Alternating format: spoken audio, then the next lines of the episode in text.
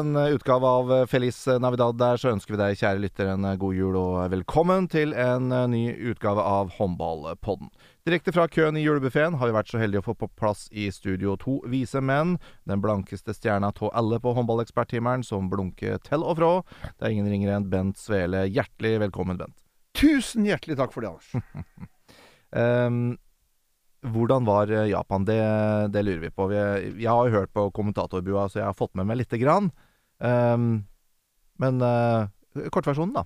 Det er kortversjon. Japan. Folk bukker, folk takker.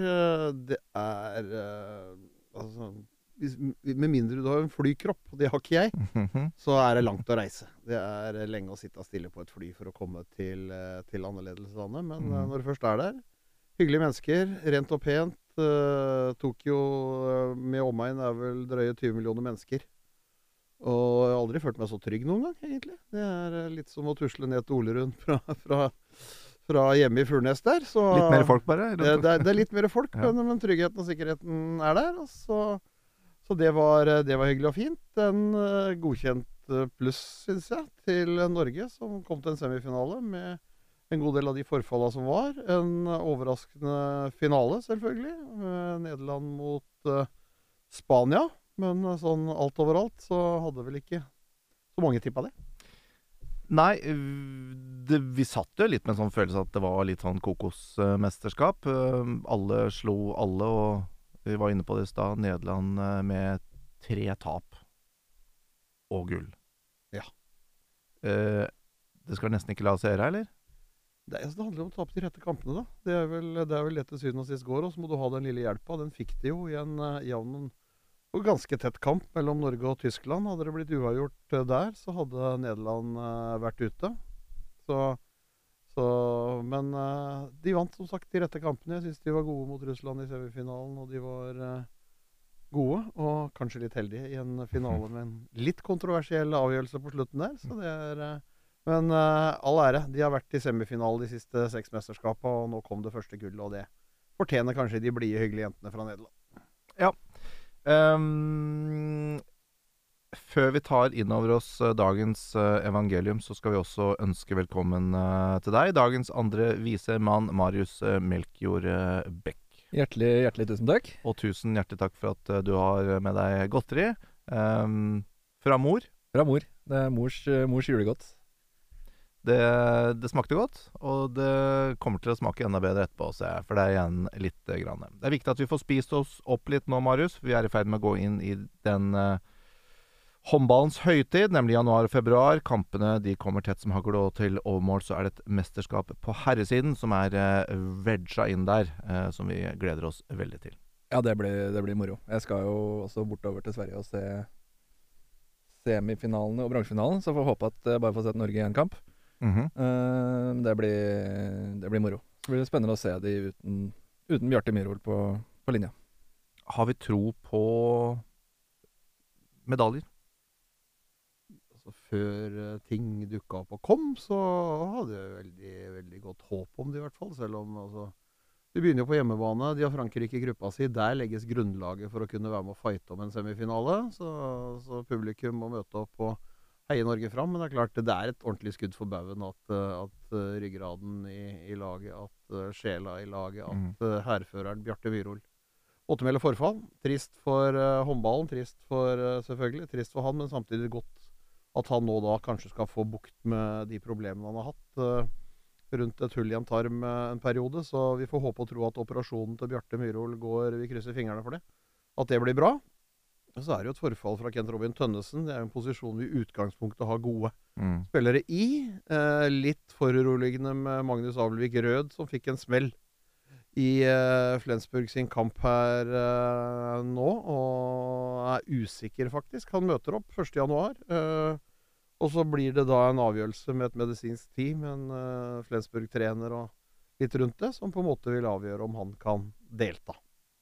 Men det er så tydelige førstevalg, det der, at du kan ikke bare kaste inn en Reinkind eller eh, noe sånt og så få omtrent tips som happ det Nei, samme. Men samtidig så er det klart Harald Reinkind spiller i Kiel. Han spiller altså leder uh, helt til toppen av Bundesligaen. Det, er, det har gjort det bra i Europa. Så, så, så det, det, er, det, er, kvalitet i han. Det er kvalitet i Eivind Tangen. Men for, for Christian Berge så er jo utgangspunktet sånn som det har vært Tønnesen et førstevalg. Når Tønnesen har vært borte, så har det vært Abelvik Rød som har vært et førstevalg. Mm. Så sånn sett eh, Men samtidig så, så kanskje altså Tangen og, Tangen og Reinkin har store potensialer. Kanskje da med altså, at de også kan blomstre litt grann når, når de andre er ute der. Men eh, det blir selvfølgelig mye tøffere for Norge. Så er vi glad for at vi da har den OL-kvalikplassen i, i bakhånd, sånn at eh, Norge kan faktisk spille seg til OL da, for første gang på, på mange herrens år, siden jeg var ti faktisk, eh, til en eh, OL-turnering gjennom kvalifiseringen da, som de har fått på hjemmebane i april. Fantastisk.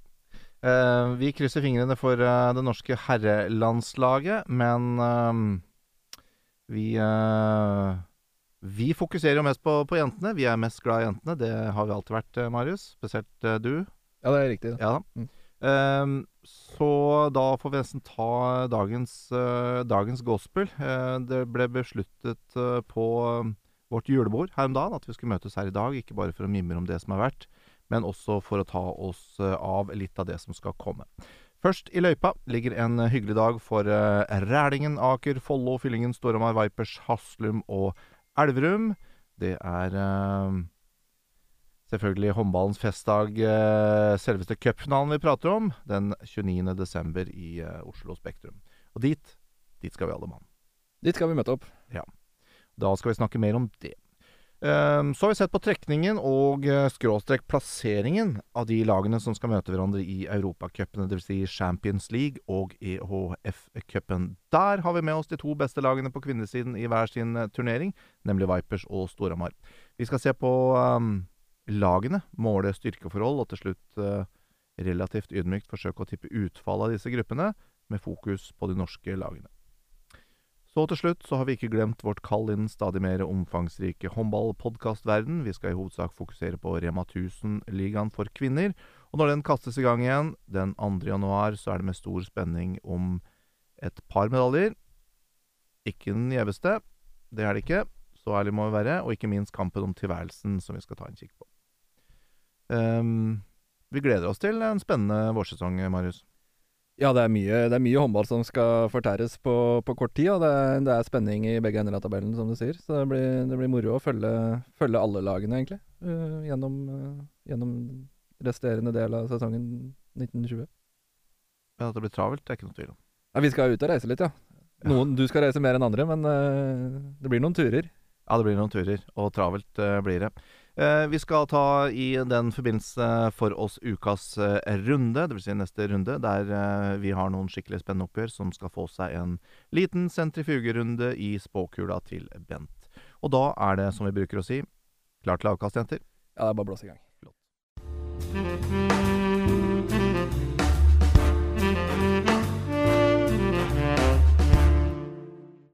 En koselig og hyggelig og tradisjonsrik eh, cupfinale i eh, håndballen. Selv om eh, suksessen til denne dagen fortsatt er prisgitt de lagene som kommer til finalen. Jeg tenker på publikumsappell og, og de greiene. Er vi, er vi litt enige om det? Jeg, jeg vet i hvert fall at det var fullt i fjor, men det har ikke alltid vært sånn.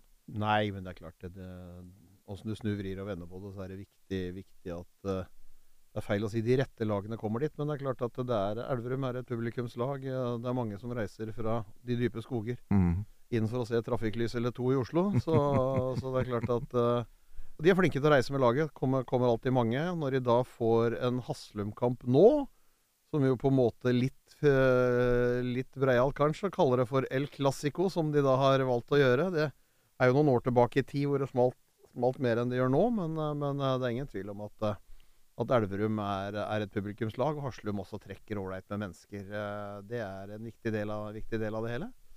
Vipers får med seg og har et godt eh, grep om publikum eh, på Sørlandet. Mm. Storhamar har vist i fjor at de greier å få med seg godt med mennesker. og Hvis alle forhåndstipsene stemmer, så, så får de også med seg godt med mennesker innover denne sesongen her også. Så det er, det er viktig. Eh, så er det jo spennende med en, eh, med en jentefinale mellom to mer eller mindre Oslo-lag, med Aker og Rælingen, som på en måte hvor det er eh, Det er kortreist for, for Kortreist foreldre, besteforeldre og, og de Ja. som på en måte henger rundt de klubbene. Så, så det gjør jo at det kan, kan være godt med folk allerede fra klokka ti. Den første finalen går, går på søndag. Ja. Så kan det være ålreit med folk gjennom hele dagen. Og det, det fortjener også en sånn fest, da, syns jeg. Hva med, hva med kamptidspunktene? Det er blitt sagt eh, noe om det også. eh, Litt tidlig? Ti er tidlig, men samtidig så skal du ha det rundt. Det er noen kommersielle hensyn å ta. Det er noen på en måte Altså, det var seint i fjor, det, men, men nå faller det jo på en søndag. Mm. Om du spiller ti eller tolv, det, det har jo ikke så veldig mye å si, syns jeg. Det, er, eh, det, får være, det får være greia. Så lenge de velger det formatet som de da sånn sett gjør, og at juniorfinalene skal gå samtidig med herrefinalene, sånn at juniorspilleren også på en måte skal kunne ha noe å strekke seg etter. Allerede i den alderen da begynne å omtale For det, er- du skal liksom ikke spille cupfinalen, du skal til Spektrum. Hvis du, hvis du på håndballspråket sier at du, du skal til Spektrum, så skjønner du at det er en fest og finale. Litt sånn Ja. som på fotballen skal ikke spille cupfinalen. Det er liksom Alle snakker om Det er veien til Ullevål, Ja. og her er det veien til Spektrum. Så, så det, er et, det, er et, det har satt seg uh, i norsk håndball, og det tror jeg, jeg tror det er viktig å kunne ha noen sånne festdager. 6700 billetter solgt i fjor eh, var lik eh, utsolgt. Så har de vel fått til litt mer plasser i år. Eh, Ca. 7000, eh, vet jeg. Sist gang jeg sjekka, så var det solgt ca. 6000 billetter. Eh, på god vei til å bli utsolgt. Ja, det, det er jo Nå var jo Det laget som reiste lengst i fjor, var vel Nærbø. De stilte jo opp med veldig mange tilskuere på guttefinalen i fjor. og I år så er det vel Fyllingen som er det lengstfarende laget. De har kanskje litt Litt mindre publikumsstøtte på NM 20-finalen på guttesida der. Og kan jo være at det gjør noe med billettsalget, men 6000 i Spektrum, det blir, blir moro for det, det. Ja da, alltid gøy, det. Eh, vi skal selvfølgelig konsentrere oss om eh, den eh, kvinnefinalen. eh, og den går mellom Vipers, selvsagt, og Storhamar. Talking points i den forbindelse er at Henny Reistad er tilbake. Eh, hva kan man forvente av en ung, fantastisk håndballspiller som tok Norge med storm i den tiden hun, hun var frisk nok til å spille. Det, det blir spennende å se. Jeg ser jo for meg at Henny er en ganske lettrent uh, spiller. Og så avhenger det av når hun faktisk kom tilbake i full håndballtrening. Det vet jo ikke vi som ikke er på Vipers-treningene så mye om. Men uh, hvis, hvis hun har fått trent håndball i store deler av desember og, og har gjort seg klar til den cupfinalen nå, så tror jeg jo at hun kommer til å gjøre seg merka den tida hun er på banen. Ja, det tror jeg sånn sett at du kan få Du får en spillesugen Henny eller Reistad, så får vi se på en måte. Altså, det trenger jo selvfølgelig hun, som alle andre som har vært ute på en sånn en eller annen sånn type, trenger jo også En ting er å trene håndball hjemme, og hatt en desember måned hjemme med seks lagvenninner som har vært av gårde på mesterskap. sånn at eh, så, så, så har jeg helt sikkert fått mye tid med ball og kan, kan gjøre mye rundt det. Men det er klart det er forskjell på å spille kamper og trene, og det, det blir spennende å se. Det viktigste for Vipers med at Henny reiste Reistad er tilbake til cupfinalen, er at hun får den kampen og noen seriekamper da før, eh, på en måte som vi skal snakke litt om etterpå. altså Når Champions League drar i gang, så er hun veldig viktig for å få bredden altså i, de, i den gruppa de skal inn i, og de tøffe kampene som Vipers kommer til å spille, og alle de kampene de kommer til å spille utover våren. Det er klart at Å få en enda mer bredde i stallen, da, ved å få tilbake en som, eh, som var så god i fjor, og som det ikke er noen grunn til at de ikke skal kunne greie å levere på et høyt nivå også den våren som kommer nå, så vil det være viktig for dem. Ehm, nå er jo alle forhåndstips uh, i uh, favør uh, Vipers. Uh, alle som har eh, sett eh, og fulgt med på norsk kvinnehåndball de to-tre siste åra. eh, med respekt for seg sjøl kan vel ikke gjette på noe annet. Men eh, vi må nå prøve med lys og lykt og prøve å finne noen interessante punkter eh, uansett. Eh, Vipers har hatt seks VM-spillere i eh, Japan som ikke har fått eh, trent i denne viktige treningsfasen, da, om du vil, i desember, sammen med lagvenninner. Samspill eh, osv. Kanskje eh, noe eh, fatigue, som det heter på godt eh, norsk. Em, er det noe der som kan være med å prege et eh, Vipers-lag? Se på deg, Bent, og Nei, det, det, det vil jeg altså, himle litt med Eva. Ja, nei, jeg tror, vil jeg nesten ikke tro. Altså, hvis, hvis du på en måte ser de som var av gårde En ting er hvis de på en måte ikke hadde vært i nærheten av å spille noe særlig, eller noe, men, men de har jo stått, stått uh, fått en god del spilletid i mesterskapet, alle sammen. De har fått stå en del sammen. altså Du har en Malin Aune på kanten, du har Silje Våde, du har Marta Thomas, du har Emilie Hegarnsen, du har Heidi Løke. Det er fem av seks som du på en måte kan ha på banen, og de sto også sammen uh, i perioder i, i mesterskapet, så de har ikke glemt å spille sammen, de. Austmo Pedersen fikk eh, mindre spilletid, og, og det var også sånn sett på en måte forventa, i og med at eh, Silje Solberg er det naturlige førstevalget til Norge. Så de har fått holdt på sammen sånn, og det er, det er greit å matche inn en Og jeg tror nok det er ganske nære en, en startoppstilling også for eh, Vipers i en, en cupfinale, med da bekledd av en av venstrekantene som de har. Så, så og da vet du at de har en Henny Ella Reistad i bakhånd, de har en Ragnhild Valle Dahl i bakhånd, de har en Linn Gjørum Sulland som var toppskårer i Champions League i bakhånd. Sånn at eh, så, så Det ordner seg. Eh, ja, jeg, det, det, det ville overraske meg veldig. Eh, jeg tror nok jeg har faktisk Viper som større favoritt i cupfinalen enn det jeg hadde Frankrike som VM-favoritt. Og det hadde jo alle egentlig. før, da, så, altså, det, går, det går jo an å bomme. Men det er klart Storhamar må jo de må jo treffe maksimalt både på, både på, på det de eier og de har, og, og taktisk, og, og hvordan de på en måte greier å gjennomføre den, den kampen. For det, det, er jo, det er jo på det taktiske planet de på en måte kan, kan kanskje greie å frustrere. Hvis de, hvis de greier å bruke god tid med ball, hvis de greier å stå opp og sette opp et forsvar, hvis de greier å variere forsvarsspillet sitt.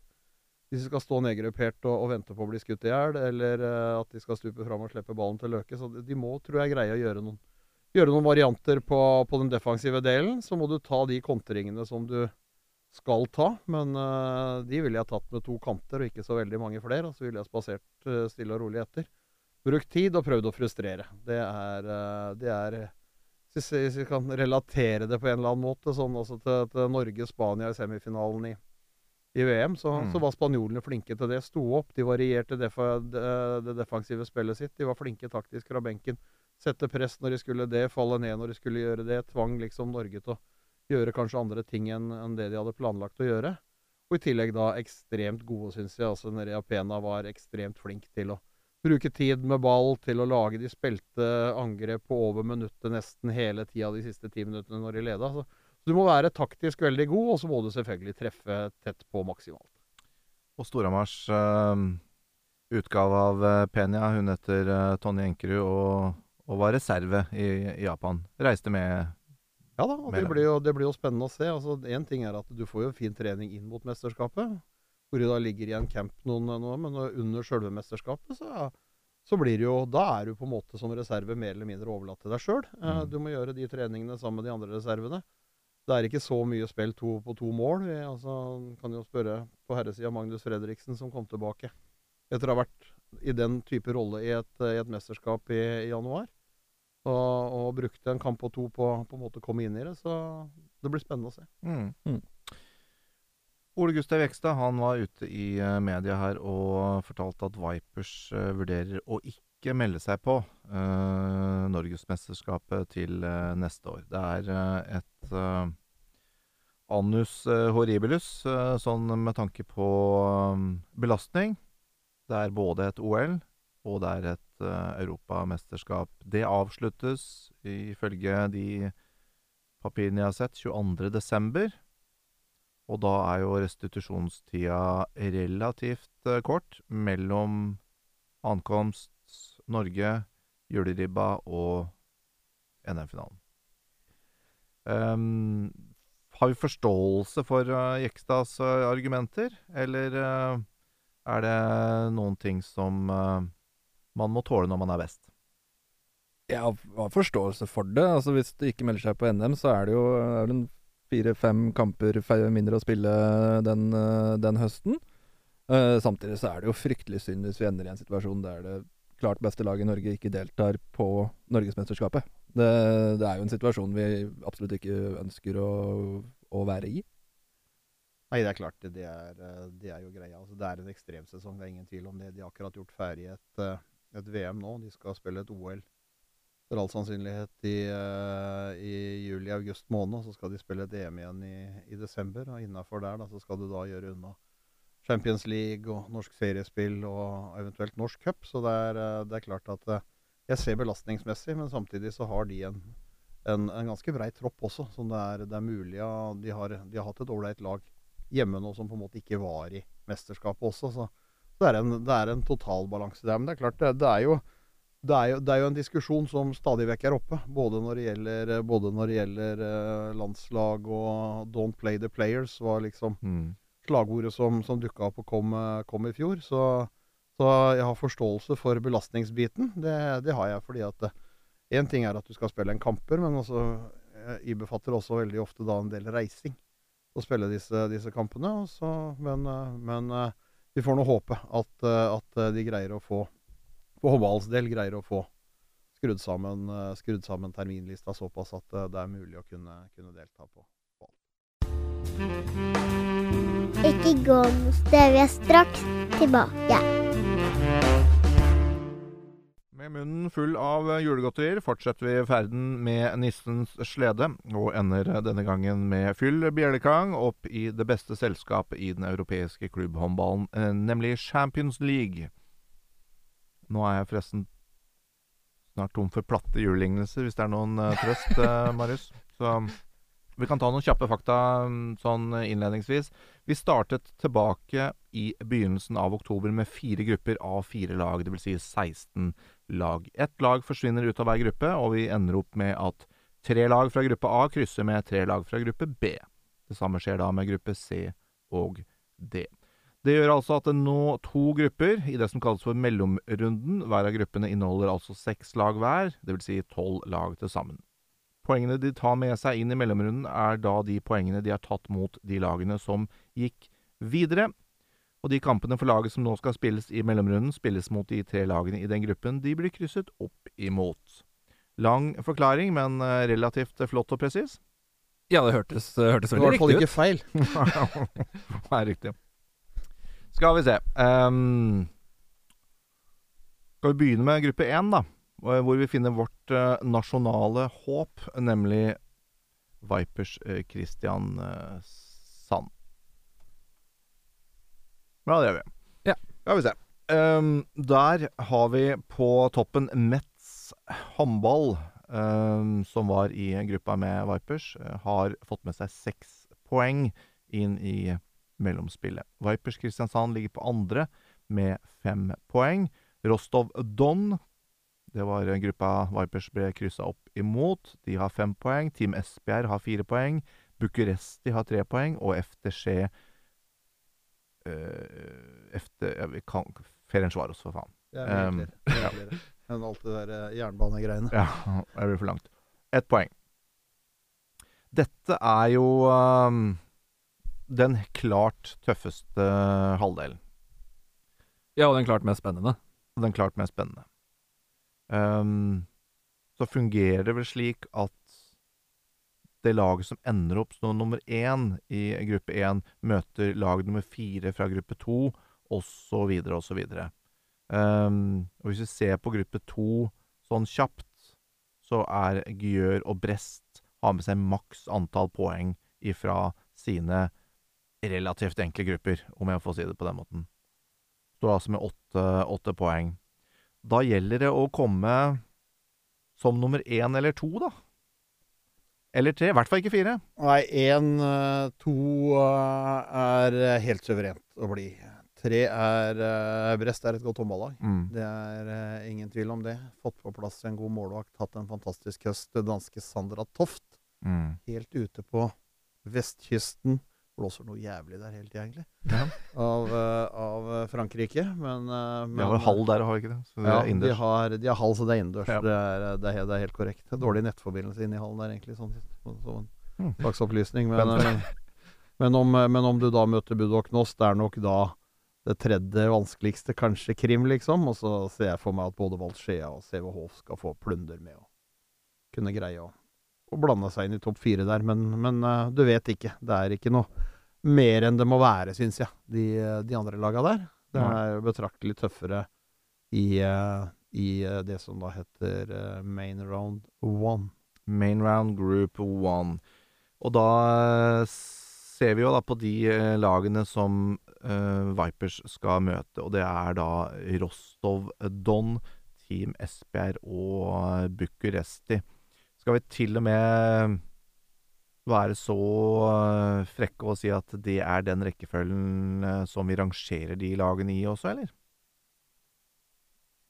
Ja, er, jeg vil jo si at det er jevnt mellom Esbjerg og Bucuresti, men du veit jo aldri hva du får av rumenerne. Da. Så det, hvis de er eh, spillesugne og har lyst, så er de blant de beste. Hvis de ikke er spesielt spillesugne, så taper de mot de aller fleste.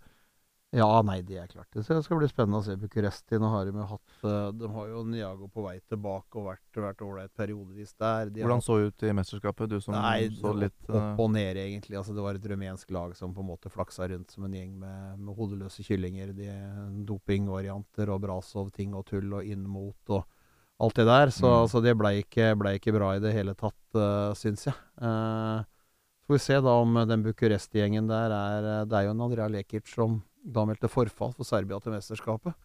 Fikk vel et, eh, fikk et slag i ansiktet ved øret eller noe sånt, og så jeg tror jeg ødela trommehinne eller noe- noen varianter der, så hun måtte gjøre en operasjon, så hun kom ikke der. Men nå begynner jo Champions League mye seinere enn EHF-cupen gjør. De skal jo ikke da dra i gang Champions League for kvinnene før den finalehelga i herremesterskapet.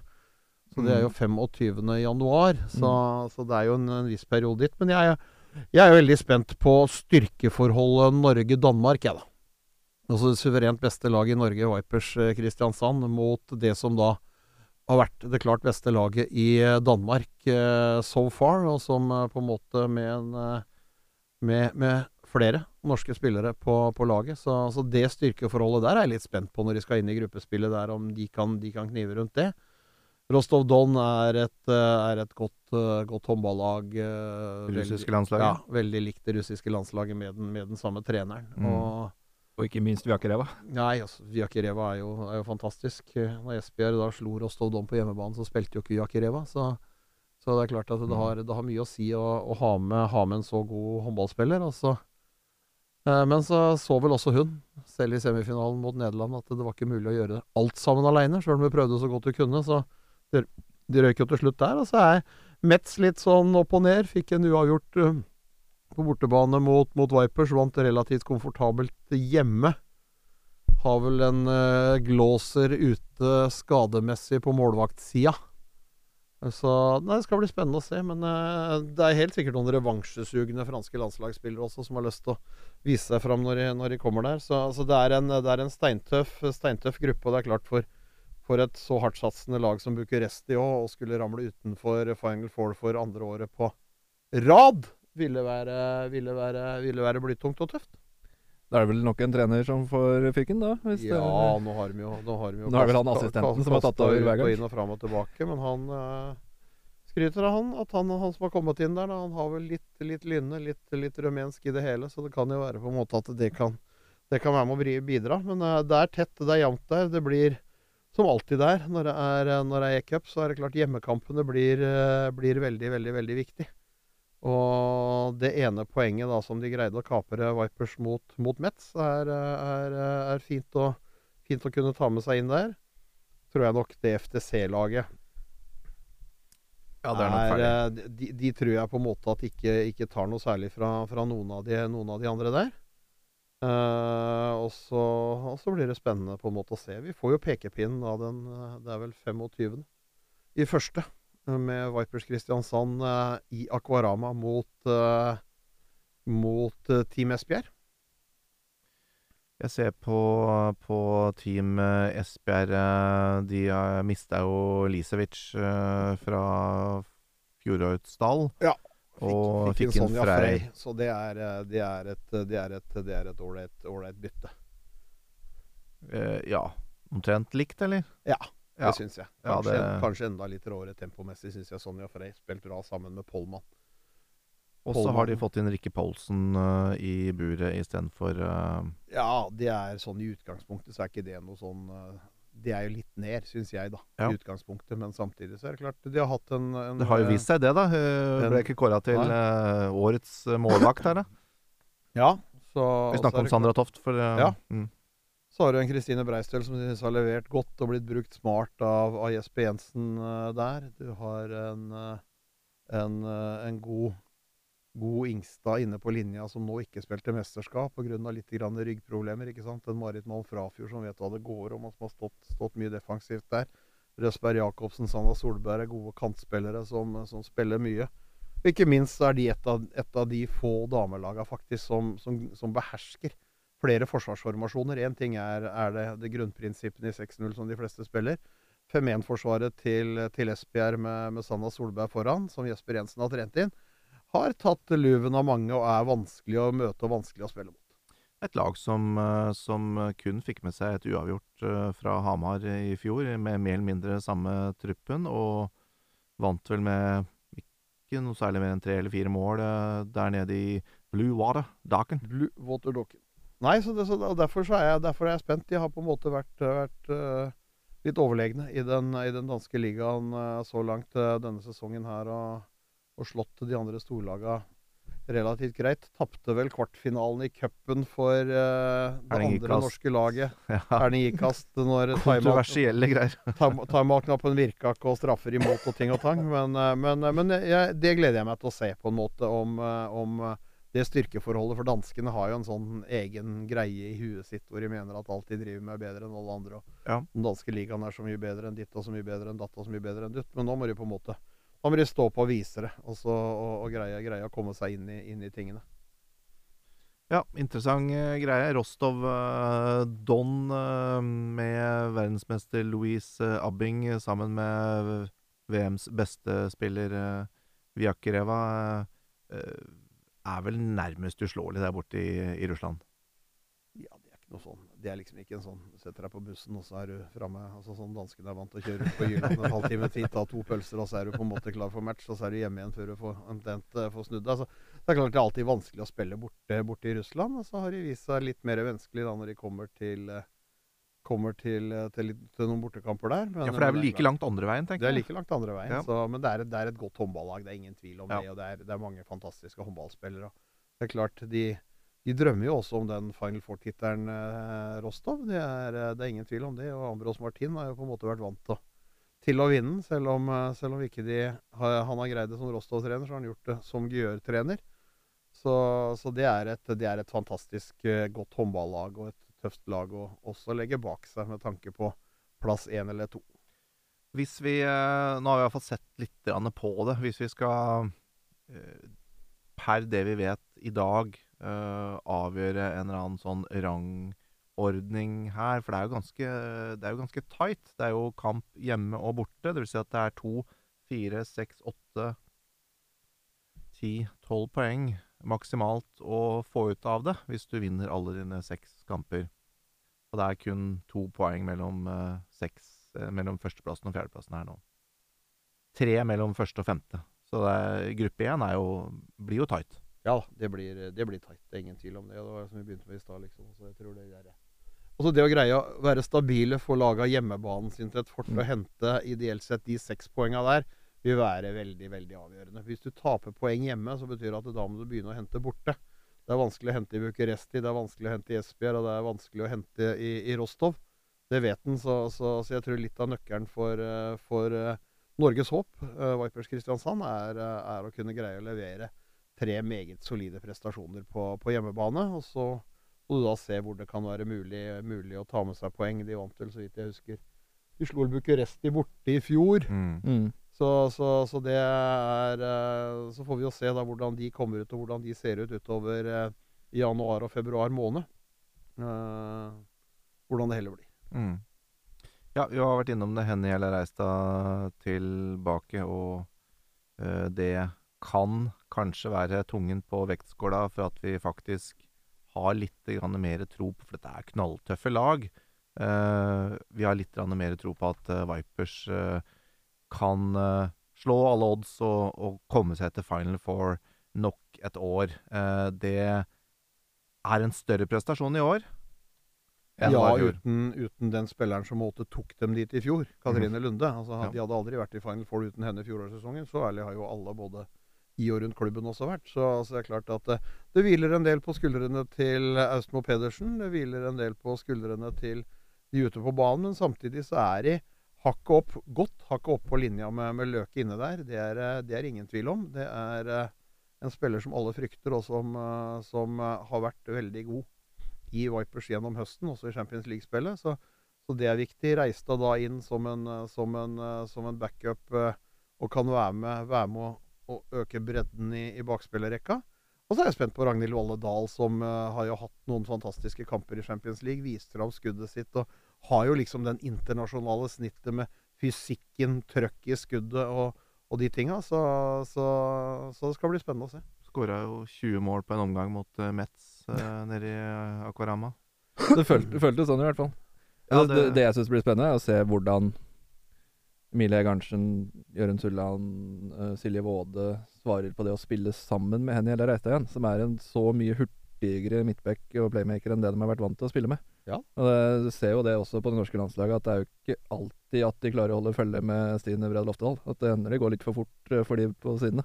Det er klart, og det, er, det vil jo alltid være en, alltid være en greie og, en, en, del av det hele sånn, sånn rundt det. Men uh, samtidig så er det klart at, uh, at de har jo de har jo holdt på med ja, før en sesong der.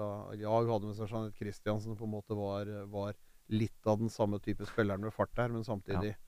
Samtidig så, så, er hun så god én mot én. Og så reiste han når hun kommer tilbake i den formen som vi så i fjor at det å kunne gå av igjen, få på seg den neste, slippe den videre, så vil også skape mer rom for de andre. Så det, det, det blir spennende å se. Men uh, det er mange gode håndballag, og et av de beste har, har vi faktisk fra Norge, så det er, det er, hyggelig.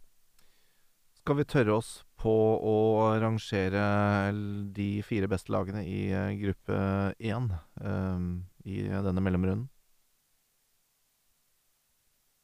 Det blir fryktelig jevnt, så vi må bare plukke et eller annet, egentlig. Må vi nok gjøre, men uh, jeg tror Vipers uh, faller én eller to plasser lenger ned enn den andre plassen de ligger på nå. Dessverre. Jeg sitter med en følelse at Team Esbjerg er litt oppskrytt. Jeg tror nivået i den danske ligaen eh, er uh, litt lavere enn uh, det har vært, til tross for at de har fått inn noen enorme profiler, uh, som i Nykke Groth osv. Uh, jeg tror uh, det russiske laget tar seks poeng på hjemmebane, dvs. Si at de får elleve. Og så at de eh, tar et eh, par poeng på bortebane. Eh, og da Ja, de tar jo FTC-jungelen, tror jeg. Det tror jeg alle gjør. Da tar de, da tar de nok poeng til å, til å ta den førsteplassen. Og så kommer Metz hakk i hæl, Vipers Kristiansand på tredje og Team Esberg på fjerde. Ikke en dårlig spådom det, Anders. Nei, mm. men jeg tror det, er, eh, det kan ligge der. Som, som jeg har sagt, altså, vi vet jo ikke hva vi får fra Bucuresti. Det gjør vi ikke. Vi vet jo ikke altså, Jeg aner jo ikke på en måte Team Esbjerg Nå, ja, de slipper å spille da Santander Cup Final Four, som da tilsvarer den norske cupen, som nå begynner, eh, begynner, eh, den helgen her. Og finaler mm. samtidig som det er finaler i Oslo Spektrum. Mm. Eh, sånn at de får mulighet til å trene litt sammen, klare litt tur. Men det er klart, eh, har Estevana Polman landa? etter VM-gullet, som hun har skøyt, eh, skøyt uh, Nederland til, rett og slett. Altså, det er hun som på en måte er nøkkelen for om Team Esbjerg skal kunne greie å, å bli tre, fire, eller om de havner ned på en femteplass der, det, det er ingen tvil om, syns jeg. Det er hun som på en måte er har den X-faktoren som kan gå inn og gjøre, gjøre de tinga som, som, ikke så veldig mange andre gjør. Og Liten av vekst, et sånn vanvittig skudd, stor fart i beina. Og ikke minst en ekstremt evne til å få skuddet forbi forsvarsspilleren. Men alle eh, lag, alle trenere eh, som har eh, vært med eh, noen år, vet jo oppskriften på å stoppe Pollmann. Hun liker jo ikke å ha kroppskontakt. Det så ikke sånn ut i, i mesterskapet. liker ikke å få disse trøkkene. Så det er jo bare å gå inn og gi deng eh, helt til hun blir eh, pottesur. Og så er det ikke kvalitet nok i uh, playmaker-egenskapene rundt omkring uh, der. Kanskje litt drøyt sagt, men jeg syns ikke det er så mye igjen uh, som skal føre Esbjerg videre her. Nei, og vi så vel kanskje litt av det i EHF-cupfinalen i fjor, når de møtte Tor Oddvar Moen og hans Skiofok. Ja, riktig. Så, ja. så, hadde jo de noen, noen oppgaver hvor det skulle smelles, smelles på Pollmann, og det er klart at det, det er Men samtidig så er det en spiller som altså, jo større kampene er, ja da. Jo, jo, mer, jo mer viser det. Mm. Og med Rafal van der Fart på tribunen, så er det klart det er, eh, det er klasse hele veien. Det er det. Blitt uh, litt av kule, uh, den gode gamle Spurs-spilleren. Um, vi ser på gruppe to, um, og der uh, var vi innom Gjør og Brest, som har tatt med seg åtte poeng til mellomrunden i sine noget enklere grupper enn A og B.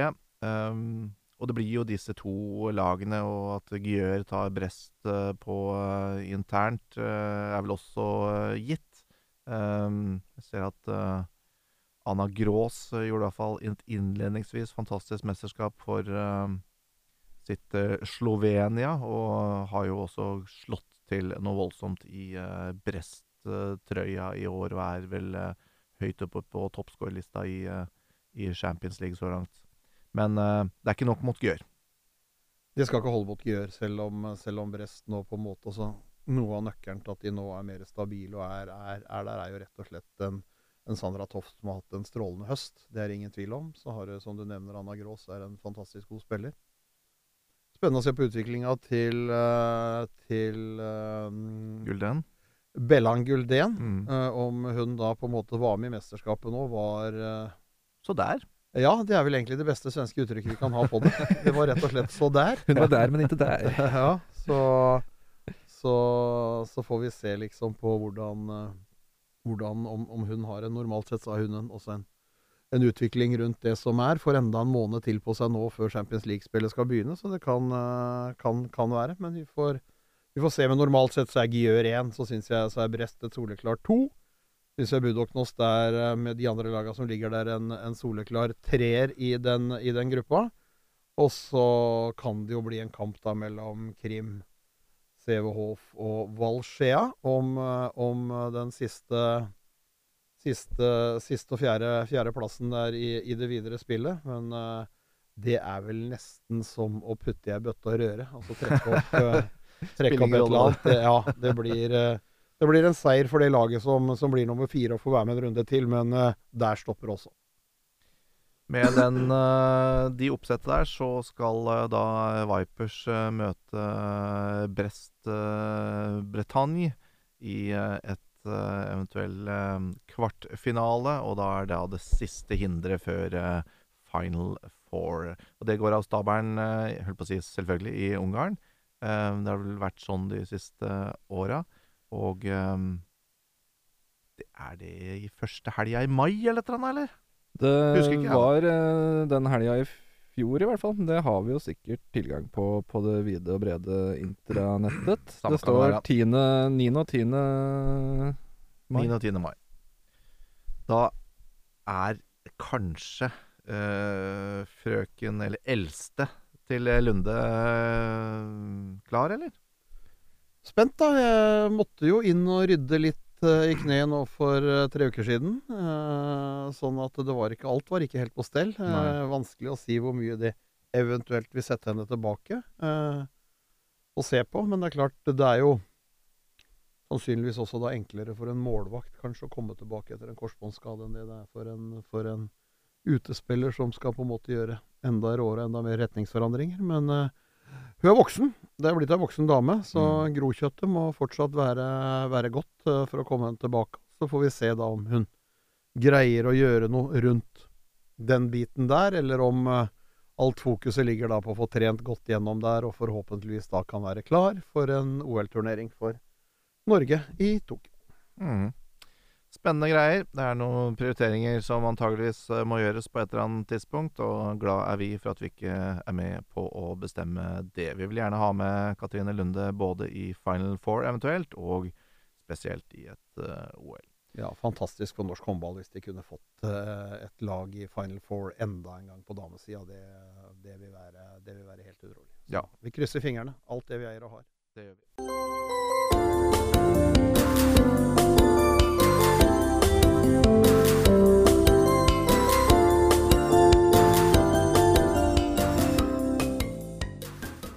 Sånn, da har eh, admiral von Schneider og sir Toby eh, fått i seg eh, hovedretten her, og så får vi eh, dure videre til EHF-cupen.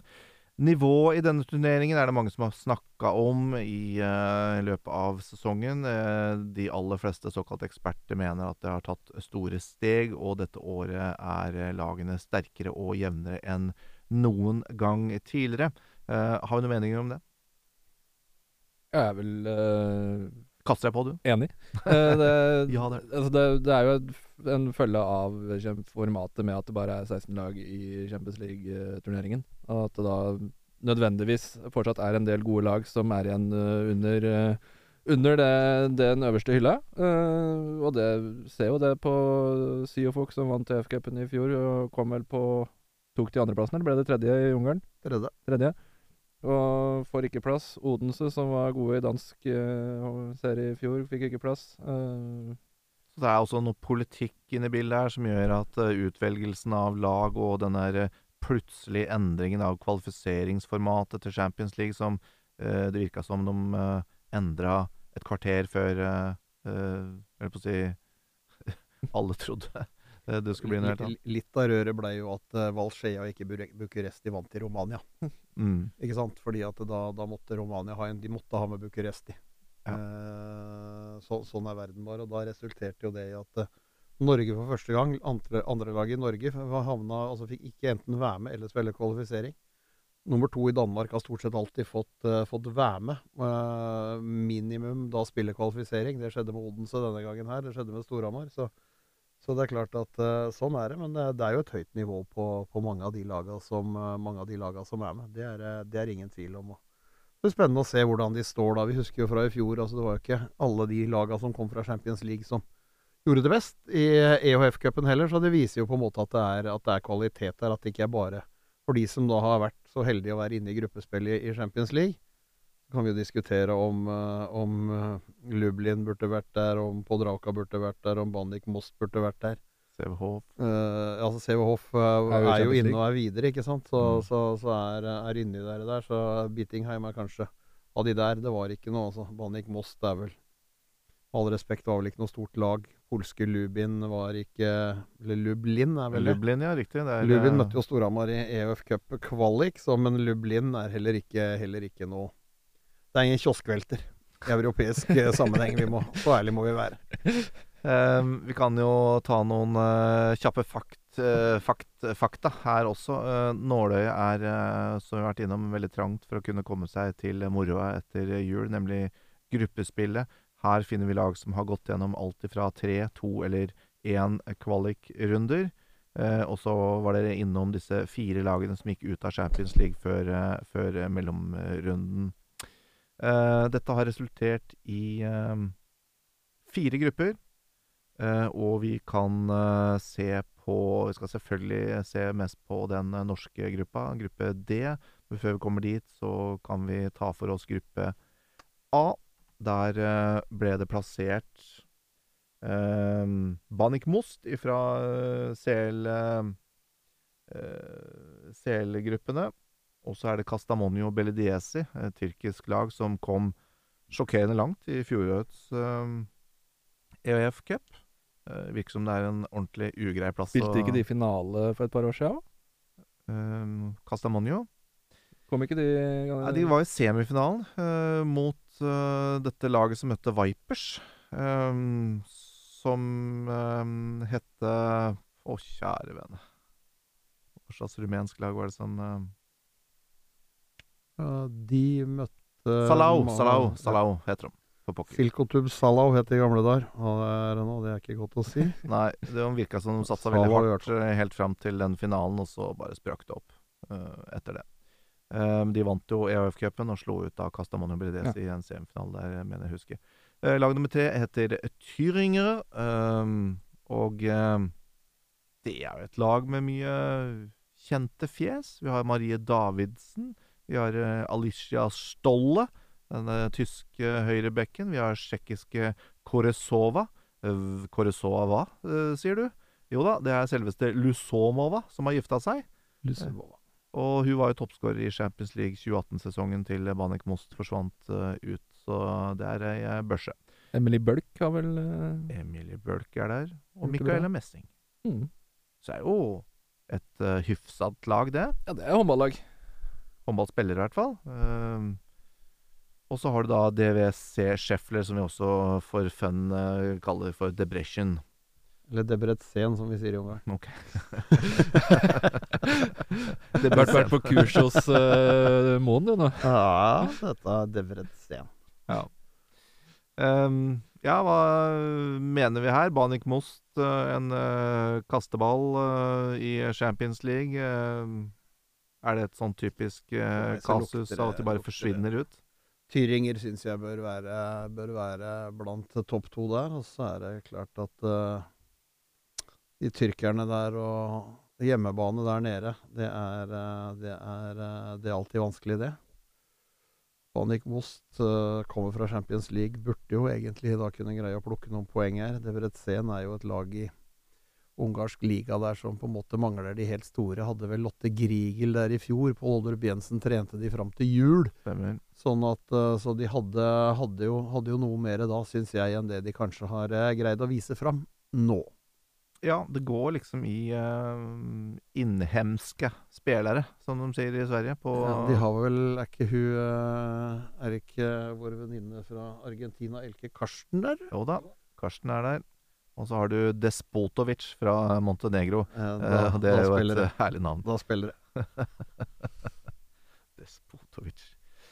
Ehm, greit, da eh, tror vi kanskje at uh, Tyringen går videre, og at det blir en kamp mellom uh, Casta Monio Bellidiesi og uh, tsjekkerne fra Banik. Ja, det Det ene er like. En er like, ja, like det er bøtta og En er like, like gjerne som det er, bare bøtta, bøtte og røre. Så har vi en eh, litt eh, tøffere gruppe, uh, syns jeg, i eh, gruppe B. Der er det Podravka Vegata som eh, faktisk eh, fant det for godt å slå Vipers eh, i eh, Champions League, uten at det betydde noe som helst. Verken for Vipers eller andre laget. Eh, og så har du Shiofok, em, med mange kjente og kjære i eh, den klubben der. Magura Sissenaide er det tredje laget, og for å sitere Bent eh, Svele, det så ut som en sekk med ved i fjor. Um, og det har jeg vel ikke noe sånn Våt ved, faktisk. ja, det er jo ikke noe særlig tru på. Ikke var det Bjørk engang. Nei, for det, det laget så vi to ganger. Vi møtte Storhamar i, um, i EOF-cupen der, og det var ikke, det var ikke blytungt å, å få fire poeng der. Eh, siste laget er eh, København, eh, håndball. Og selv om de har tatt et par steg ned, kan man si, siden sitt seriegull for noen år siden, så er det fortsatt et uh, meget godt lag. Um, Det er liksom det svenske laget i den danske, danske ligaen. det. Mens vi har to, to, de to norske her i Champions League, så er det svenske laget i En AF-cupen. del, en del svenske spillere. der. Det er klart du har Maria Hjerter, da, som holder liv i sin venstre arm eh, etter exiten fra Larvik, har også gjort en ålreit eh, sesong i, eh, i København. Så jeg vil jo Det er ingen tvil om at, at Tor Oddvar Moen og hans Skiofok er, er klare favoritter til å vinne den gruppa. Syns jeg København på en måte altså, Det er et lag som varierer ganske mye, men samtidig på Draka over eh, de matchene der. Vi, eh, vi, holder, vi holder vel på København som to, syns jeg vi skal gjøre der. Og så får Podrauka tre og Magura fire. Ja. Som skal være Skulle satt opp på femte hvis det var mulig. Ja. Eh, men eh, København eh, et, Den derre flotte playmakeren om Smia Rei mm. eh, kom jo tilbake etter en korsbåndskade. Eh, var ikke med i eh, hovedtroppen til danskene i mesterskapet, var reserve. Ble henta inn, og var vel egentlig Beviste vel der at hun burde vært med fra starten. Ja, det er jo, det er jo alltid Altså hadde de en mening og en greie rundt det om at kanskje hun ikke hadde fått trent og spilt så mye. Altså Hun skulle tilbake fra skaden. Han tok henne mer eller mer med som reserve, som en sånn investering med tanke på hva som altså, skal mer og mer inn i landslag utover våren. Av en eller annen merkelig grunn så så jeg en vurdering av der. Men jeg syns jo de er, en, de er en fantastisk god håndballspiller som på en måte drifter og driver dette, dette København-laget og har vært veldig god gjennom, eh, gjennom, gjennom høsten. Så, så det, er en, det er en spiller som må prestere, hvis som at dersom at de skal eh, greie å, å, å komme seg inn og, og være med i flere runder framover. Men jeg, jeg tror København sammen med Ski og Fox skal være de to beste lagene i den, i den gruppen. Så har vi eh, gruppe C, der vi har eh, en eh, ny stabel med halvbløt ved i Lublin fra Polen. Og så har vi Erd fra Ungarn, og det er absolutt ikke noe ved Haug. Det er et håndballag. Og så eh, har vi eh, danske Odense Hornball, som kanskje har skuffet Ikke kanskje, de har skuffet litt eh, i år i, i nasjonal serie, men der kommer vel også Nykke Groth stadig i bedre form, vil jeg tro. Det siste laget der er Gloria Bistrita. Og hvis det var noen som eh, har fulgt med på trekningen, så var det et annet lag som eh, var der tidligere. Um, og det er nemlig Korona Brasov. Og da eh, begynner jo jeg også Da jeg kikka på dette her om dagen, så tenkte jeg hva i alle verdens dager? Uh, her er det som har skjedd? Ehm, og da kan vi ha litt sånn bakgrunnsinformasjon her. da. Korona Brasov det er jo en eh, annen rumensk klubb som fikk mye spalteplass da fire av deres spillere ble tatt for å bruke ulovlige metoder av skal vi si, ikke-lisensierte medisinmenn på diverse eh, bakrom. Ehm, doping, med andre ord. Uh, det endte med krise for den rumenske troppen til VM da Kristina Laslo, Bianca Basaliu og Daria Bukur samt Elisa Bukeski ble utestengt fra deltakelse. Eh, skudd for baugen for eh, Romania i eh, VM Ja. var det jo. Det er, det er ingen tvil om det. Altså, det, er klart det, var, det var jo mye rør. Altså. Jeg kan ikke så mye om akkurat det der, der ja, men sånn som jeg har forstått det, så var da det, det de ble tatt for, var en, da, en metode som ble klassifisert som doping i Romania, men ingen andre steder. Eh, og det er klart at eh, hvis du da blir utestengt fra et mesterskap fordi du har eh, brukt et eller annet eh, det de definerer som et dopingpreparat, da, og ikke får være med i et VM hvor alle de andre lagene kunne gjort det samme og hadde fått være med, så, så er det merkelig. Men, eh, men det er klart, det hjelper vel heller ikke så veldig mye da hvis hvis han egentlig var bilmekaniker, han som var lege i, i klubben der, og ikke hadde, på sånn. en måte ikke hadde, Men, hadde papiret på det. men er det egentlig litt sammenlignbart med høydehusbruk i Norge? Det er For det er vel lov, øh, lov andre steder, men ikke i Norge? Ja, det er flere land det er lov i, ja. Ja. Eh, Nå har jeg ikke noe full oversikt over det, men eh, det, det er riktig. Ja, Så hvis du blir tatt for å bruke høydehus som norsk idrettsutøver, så blir, kan du bli utestengt av den norske antidopinga, men ikke nødvendigvis i et annet land. Nei, det var vel et poeng, eh, poeng der. Um, uansett, så med litt mer graving så finner jeg ut at Brasov er suspendert og degradert en divisjon i det rumenske ligasystemet. Uh, og samtidig EOF-cupen. Dette var eh, bestemt beslutta den 10. desember allerede. Ja. Um, uten at EOF eh, nødvendigvis har lagt ut et ord eller en nyhet om dette her. Bare lurt inn Gloria. Uh, Estefan. ikke hun. Uh, I gruppe C. Um, og, har ikke så god peiling på det. Jeg vet at Gloria kom på tredjeplass eh, på plassen foran Brasov i den rumenske ligaen i fjor, etter da nevnte Valskjea og Bucuresti på første og andre henholdsvis. Um, og hva det betyr, det, det veit jeg ikke, for å være helt ærlig. Men uh, skal vi tro at Erd og Odense er de to sterkeste lagene? eller? Ja, jeg ville, jeg ville tro det. At det skal være de, skal være de beste laga i den, i, i den gruppa der. Det bør det være. Vi har fortsatt uh, slegere som uh, Kurpers Slesak og, eh, og um, hun som jeg tenkte at aldri kom til å skåre et mål i hele sitt liv. Uh, skal vi se, nummer ni på Lavko, ja. Jelena Lavko. Skåra mål i bøtter og spann for Serbia. Gjør det det? Um, andre nevneverdige spillere på noe lag her, da? Det er jo spennende å se om, øh, i likhet med Polman, om Tess Wester øh, har fått beina ned på jorda igjen etter, etter VM. Sånn sett Jeg sa jo de Althea Reinhardt i bakhånd, som også er en god målvakt. Så det, Hun de er jo bare bra i mesterskapet? Jo, det har vel vært, det har vært Reinhardt som syns jeg har stått kanskje mest i Odense i løpet av, i løpet av høsten. og, og det der. Men men det spennende med Odense er på en måte å finne ut altså, nå er det jo litt bruduljer, må det jo være på et eller annet slags vis. Så får vi se da om de kan De, kan, de skal jo ut mot København i, i semifinalen i den danske cupen.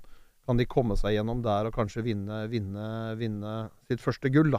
Så, Mm. som de absolutt bør, bør på et eller annet slags vis gjøre. Så, så, så kanskje det, det faller litt mer ro over det hele. Men det er klart det er jo et skudd for baugen når, en- når en så god spiller som Mette Tranborg velger å ikke fornye kontrakten sin med Odense, og Mm. så gå til Esbjerg. Uh, det, er, uh, det er jo Det er tungt. Det blir tungt. Og så ryktes det jo om, om flere, liksom, enn Stine Jørgensen, som kanskje lurer på å reise et annet sted enn Katrine Heimdal. Eh, som linjespilleren som på en måte lurer litt grann på det. Trine Østegård Jensen er vel også snakk om på vei bort. Jeg vet ikke om de har signert japanske Ikehara sånn for neste sesong. Men det, men det er klart at Odense er en, er en klubb med, med penger, men uh, ikke har greid å henge med helt på det andre. Har ikke greid å ta det siste, det siste sneppet, sneppet opp der. og da så får vi se da om uh, denne turneringa på en måte kan være med, for det er jo en haug med danske landslagsspillere. Mm. De er. Og det ryktene tilsier at det er hovedtrener uh, Pytlik som er eh, litt av uh, malurten i begeret, hvis jeg kan bruke det uttrykket. Eh, ja, bør ikke si noe mer om det. Eh, nikking er nok. Eh, vi går videre til eh, gruppe D, eh, og om det er eh, grupper som er bedre enn eh, andre her. Vi har vel nevnt kanskje at gruppe B er, eh, er sterkest så langt med Sjåfok og København som eh, de lagene. Men, men i gruppe D så har vi de tyske mesterne eh, Bietigheim. Og så har vi det andre norske laget, som vi også kaller det for. Herning Ikast eh, håndball. Og så har vi da eh, håndballklubb Lada fra byen Togliatti, som er så langt inn i Det Kaspiske hav. Nei. Jo, var det riktig Nei, hav, det, var, det er nord for det, vet du. Eh, det er altså så langt det er langt i hvert fall. inni at uh, folk blir jo lei bare av å reise dit. Uh, og uheldigvis for våre norske lag, da, uh, Stormar håndball elite, så har de endt opp i gruppe D. Det er en sportslig, uh, ordentlig nøtt, dette her. Ja, dette er en, dette er en beintøff gruppe, ja. De var vel med og slo ut Beatingheim eh, i fjor, Storhamar. Eh, Herning Ikast er et, eh, et eh, godt håndballag med flere norske landslagsspillere, flere norske rekruttlandslagsspillere. Mm. Eh, sånn at eh, mange gode håndballspillere der. Lada med noen eh, nye oppkomming russiske spillere og en reisevei til, på bortebane som er, som er vond og vanskelig. Så dette her er sportslig sett så er dette en tøff gruppe for et, uh, Storhamar-lag når de skal ut. Men samtidig en eh, veldig god mulighet til å kunne lære veldig mye gjennom, en, eh, gjennom, en, eh, gjennom et par måneder nå i, i januar og februar, hvor du da skal ut og møte disse lagene i tillegg til et seriespill i Norge. Så, så det, blir, det blir tøffe tak for en relativt, PT i hvert fall, tynn Storhamar-tropp. Uh, uten da, som vi nevnte i stad, Bettina Rigelut, som var toppskårer for Storhamar i EOF-cupen uh, i fjor. Eh, hvor de også kunne da trekke veksler på en Heidi Løke som alle de laga de møtte, var, var redde for. Så, så den spilleren de hadde hørt om. ja, den de hadde hørt om òg. Sånn at, eh, så, så er det klart det at eh, Men, men med da en Emilie Hovden på, på kanten, som på en måte har vært, vært god for Storhamar, og en Kristin Venn på, på motsatt side, så farta til kantspillerne bør kunne gi Storhamar litt grann i, i disse matchene. Men det blir sportslig sett tøft å unngå å ha tallet fire foran seg når, eh, når gruppespillet er avgjort. Vi, eh, du prater om fjorårssesongen. Beatigheim Bietigheim møttes eh, de også i eh, gruppespillet da. Det møtte de også Esbjerg. Eh, og så var det da denne eh, våte sekken med, med ved i, Magura, Sisnaide, som var siste, siste laget. Så, så, så gjør jo Storhamar det kunststykket å slå ut Bietigheim i eh, holdt på å si, det siste sekundet eh, i eh, hjemmekampen mot, eh, mot de tyske mesterne. Um, det er ikke snakk om noe undervurdering fra Martin Albertsen og co. dette året, i hvert fall. Nei, det tror jeg ikke. Det, det, det kan det ikke være. Det er klart at det var en voldsom nedtur for, for Vitingheim å ikke kunne, ikke kunne komme seg videre til, til kvartfinalespillet i EF-cupen i fjor. Og ønsker vel nå sikkert, eh, sikkert å på en måte kunne, kunne sette det skapet på plass og få den, eh, få den eh, lille revansjen overfor, overfor Storhamar. Og så er det jo Så det er en også Kodvars Kodvards Glotch, som på, kanskje er den viktigste spilleren til, altså til Beatingheim, samtidig som hun er den viktigste for uh, eks-Storhamar-trener Arne Senstad sitt uh, landslag. ikke sant? Ja. Det er jo en spiller som har vært med på, vært med på mye og vært, vært oppe der. Det er nederlendere som van der Heiden som uh, på en måte var med å avgjøre semifinale i VM, og, og kan, sjøl om det, selv om det virker, virker opp og ned, ikke sant? Uh, så, så det er mange gode spillere, syns jeg, i det, i det Beatingheim-laget der, som du skal, du skal ut, og, ut og prøve deg mot. Så er det jo Maren Årdal, tidligere Byåsen-spiller, inne på linja. Og så tenker jeg altså den viktigste spilleren, eh, Lodge eh, Kanskje akkurat nå så er jeg litt frista til å si Dina Ekele da, i, i målet. som målvakt, målvaktsspiller, som også gjorde en god turnering i stor store Mm. perioder for Tyskland nå, nå i VM. Så det er, så det er eh, Men eh, vi får se. Det er, eh, det er klart det har skjedd, skjedd større under. Det er ingen tvil om det. Det er Det er det, er, det vil jo ikke være noe bombe om du greier, men det er klart det er over to matcher. Det er en bortekamp og en hjemmekamp. Så, så det, blir, det blir jo det samme her for, for Storhamar som det på en måte er for Vipers i, i Champions League. At du greier å gjøre Boligpartner Arena til, eh, til en, en form for et fort og kan hente, hente poeng der. Eh, de greide jo det i fjor, uavgjort mot Esbjerg. Som, som en veldig god prestasjon. Mm. Uh, Beatingheim, det som var, slå ut Erd over to kamper. Så, så, så e-cup-sesongen til Storhamar i fjor var jo, var jo meget pluss, pluss, pluss, pluss, pluss. Men det ligger vel i korta, som du sier, at uh, russere, tyskere og norsk-dansker i herningkast eh, kan bli eh, litt uh, for tøft eh, for, uh, for Storhamars jenter. Hvem, eh, hvem går videre her, da? Um, jeg ser jo på mannskapet til Bietigheim. Det er jo fortsatt fryktinngytende. Det er jo Malenstein og det er, altså det er, Van der Heiden er jo verdensmestere. Det var eh, tyske landslagsspilleren hun som var ute i fjor, jo Kim Nautsavicius. Na, Nadzi- Naditsavicius. Nadisavicius. Eh, hun er jo tilbake. Ehm, I god form, så vi i eh, mesterskapet. Ja, og, og, og Lada, som har vi jo snakka om at det er jo frykta bortebane og bortetur. Og Ja. er jo et godt, uh, godt russisk eh, håndballag, det òg. Det er stort sett bare russere. Det er en hviterussisk uh, jente på laget som jeg ikke skal prøve å uttale navnet på. Uh, Nei, jeg tenker på hun er- derre 18-åringen, hun eh, venstrebekken uh, Mikhailisjenko. Hun, hun så du litt. Hva, hva, sier, hva syns du om hun? Nei, men det er, en, det er en god håndballspiller. Jeg har sett henne på yngre mesterskap også. Dominert uh, voldsomt i uh, VM-et som, som gikk i Polen for halvannet år siden. Uh, kom inn nå, har eh, lagt på seg noen centimeter. eh, fikk muligheten til å vise seg fram mot eh, Norge i bronsefinalen der, og kom, kom veldig godt unna det. Så spennende spiller med tanke på framtida. Det er ingen tvil om det for russisk håndball også. Selv om Lada har uh, også vært et av de lagene som har uh, blitt preget av ankomsten til uh, det nyetablerte laget CSKA Moskva, med Jan Leslie som, som manager, trener. Eh, fire av eh, spillerne til Lada forsvant til eh, dette nyoppretta laget, inklusive Darja Dimitreva. De har jo blitt svekka, Lada også. Ja da, de har de blitt. Samtidig så er det klart det er, det er jo et godt tilsig av, av yngre spillere. Flere av de var jo med uten å spille førstefiolin i, i, i VM. Så.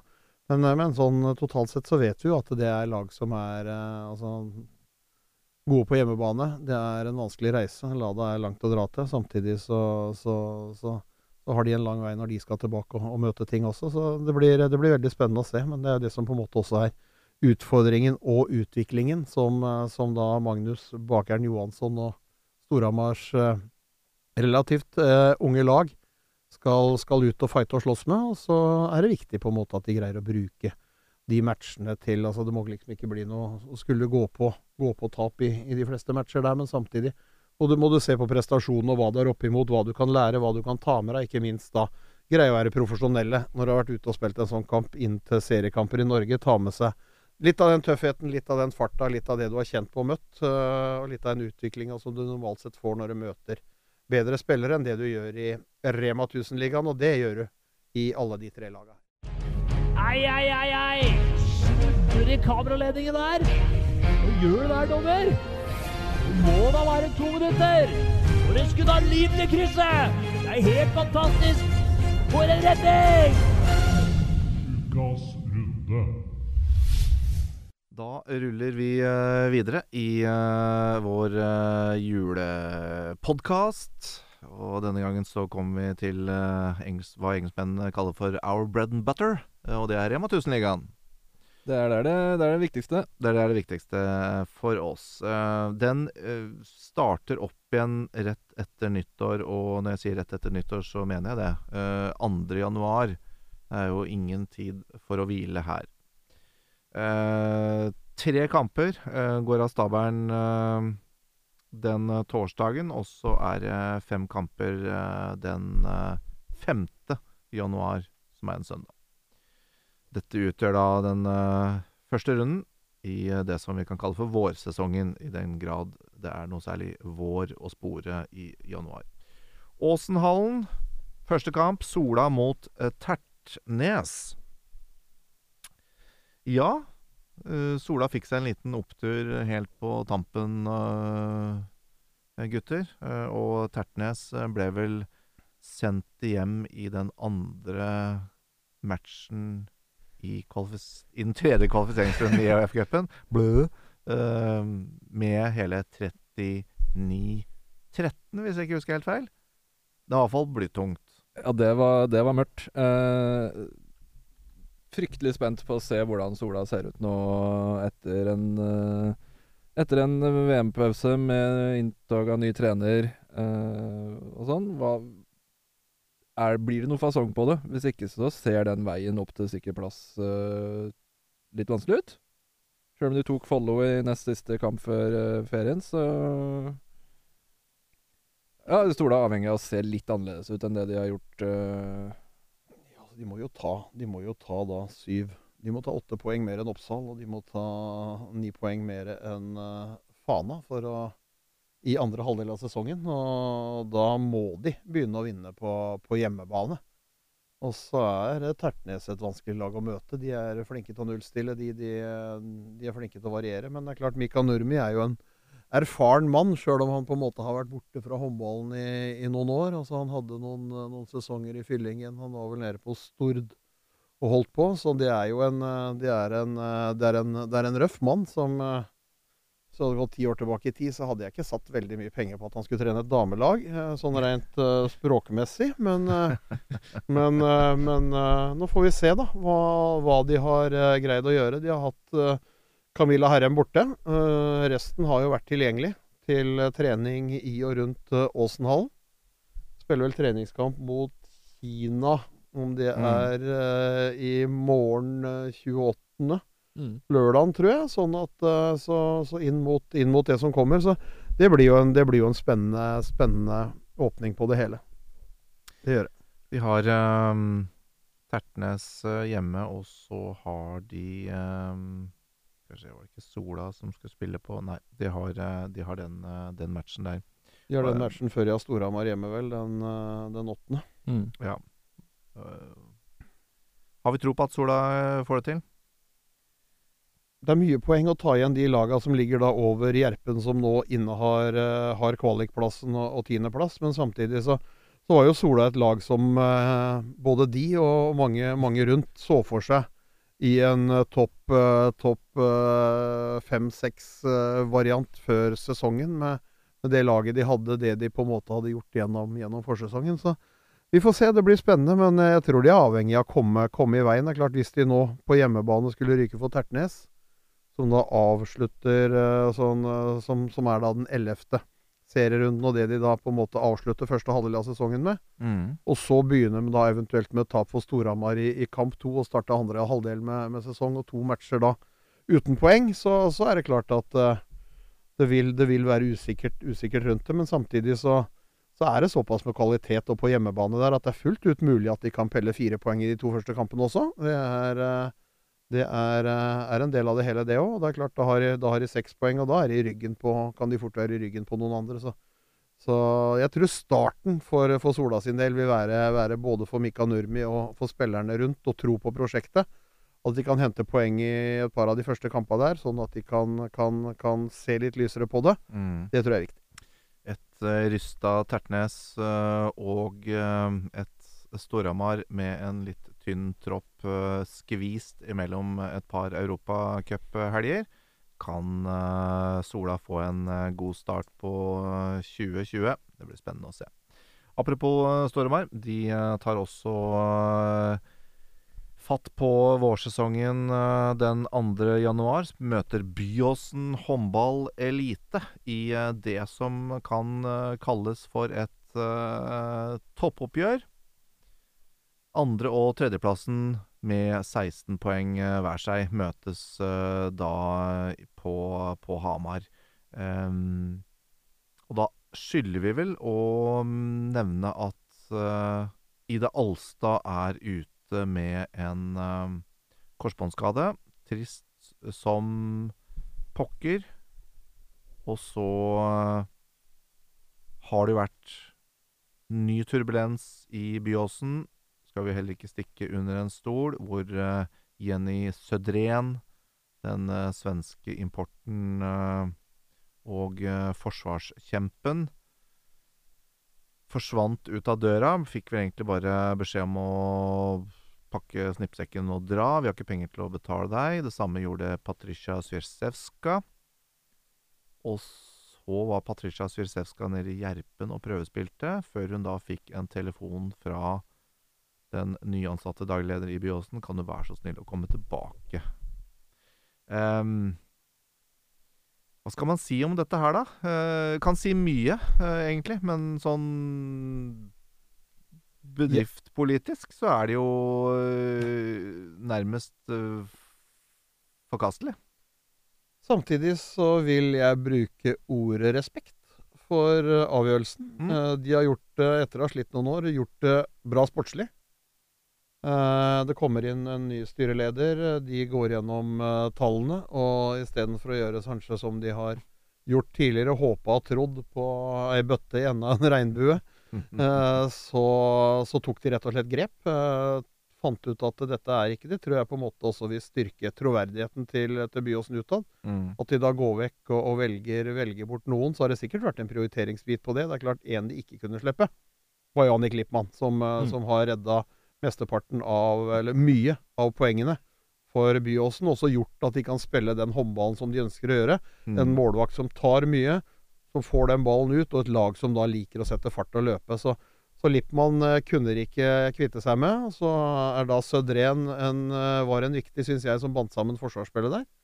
Eh, et klokkeklart skudd for baugen for Byåsen-laget at en Altså at mor i laget, Ida Alstad, eh, den med størst erfaring, den som har vært med mest, og som også har levert en god høst, med litt spilleglede tilbake og, og, og vært sånn, så er det klart at det er, eh, det er tunge tap for, eh, for et ungt Byåsen-lag. Sånn at det gjør noe med bredden. Eh, vanskelig å se at, at vår polske venninne skal på en måte Altså vært der, jaga, var klar, mangla en underskrift, være klar for Gjerpen, ble henta tilbake.